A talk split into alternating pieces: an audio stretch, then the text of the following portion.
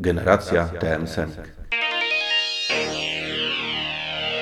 Każdy czasem zadaje sobie pytanie, co by było, gdyby twardziele z różnych rzeczywistości stanęli naprzeciw siebie.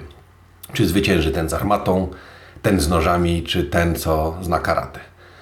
Czasem czytelnicy dostają odpowiedzi na takie pytania i czasem, jak w przypadku wydania specjalnego TM Semik Batman vs Predator, to są rzeczy doskonałe. Drapieżcy z kosmosu nikomu przedstawiać nie trzeba, chociaż e, ostatnie występy Predatora w e, żenującym filmie kinowym nie zasługują na uwagę. A jednak ten klasyczny horror science fiction z gubernatorem Kalifornii oraz serie komiksowe z Dark Horse ugruntowały jego pozycję jako prawdziwego sukinsyna wśród twardzieli. Człowiekiem, który odpowiada za pojawienie się Predatora w Gotham jest Dave Gibbons, scenarzysta i rysownik oraz wieloletni przepraszam, wielokrotny laureat Jack Kirby Award. I to wizyta Predatora w Gotham to jest wizyta z hukiem i przytupem.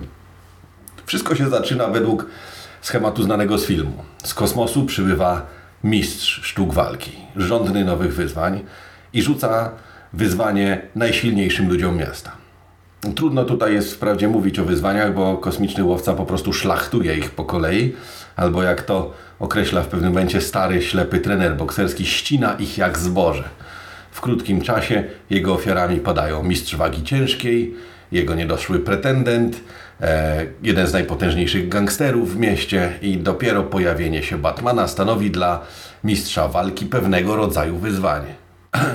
pewnego rodzaju, ponieważ Mroczny rycerz z tej pierwszej potyczki wychodzi pokiereszowany jak rzadko. Kiedy go oglądamy w jaskini, gdy leży zabandażowany od stóp do głów, pilnie pielęgnowany przez Alfreda, podczas kiedy Gotham uznaje go za zmarłego, to e, wiemy, że trafił na przeciwnika, z jakim rzadko przyszło mu się mierzyć.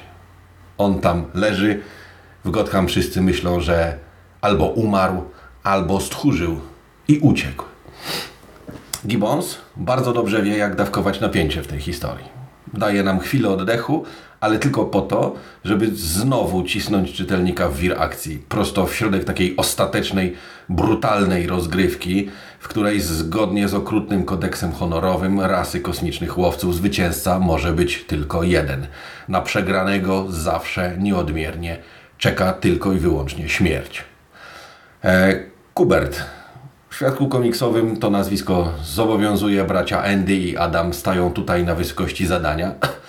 Poprzednim e, odcinku poświęconym świtowi Synów Nocy nie miałem okazji e, za bardzo Andy'ego pochwalić. Tutaj jest dużo lepiej. Są to ci sami ludzie znani świetnie polskiemu czytelnikowi również z serii TM Semika.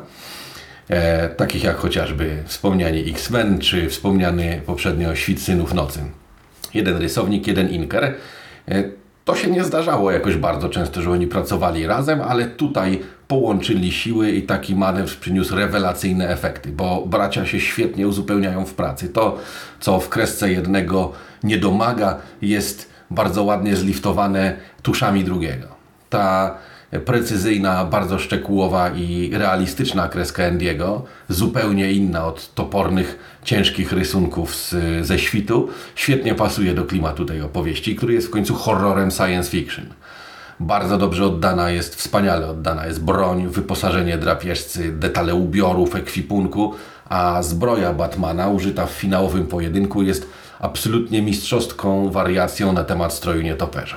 Gotham, które przewija się gdzieś w tle zmagań pomiędzy e, zamaskowanym krzyżowcem, a zabójcą z kosmosu jest mroczne, straszliwe, jest najeżone maszkaronami skąpane w deszczu. To jest takie gotyckie Gotham jak z filmu z 89 roku. E, do tego jeszcze dochodzą wspaniałe, ręcznie nakładane kolory Sherlin van Walsenborg.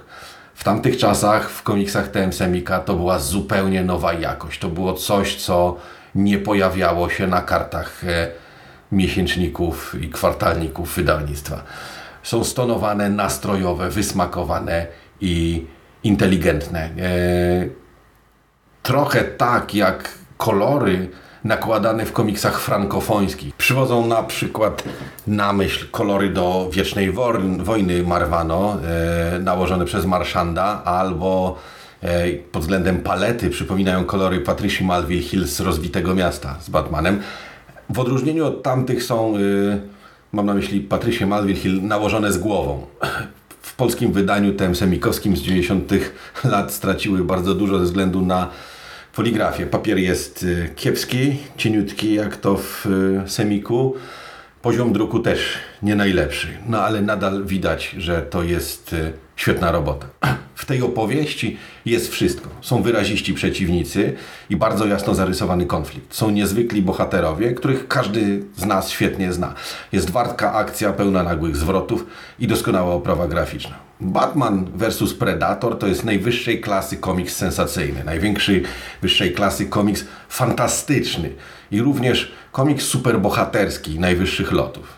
Kiedy te wiele lat temu przewracałem ostatnią stronę, pamiętam, że pomyślałem bardzo jasno, szkoda, że to już koniec.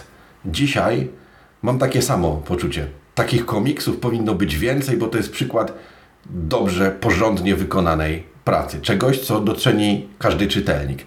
Pomyślałem sobie ponownie, szkoda, że to już koniec, bo mimo tego, że powstały dwie kontynuacje, to mawiając językiem młodzieży z lat 90., nie miały pojaru do oryginału.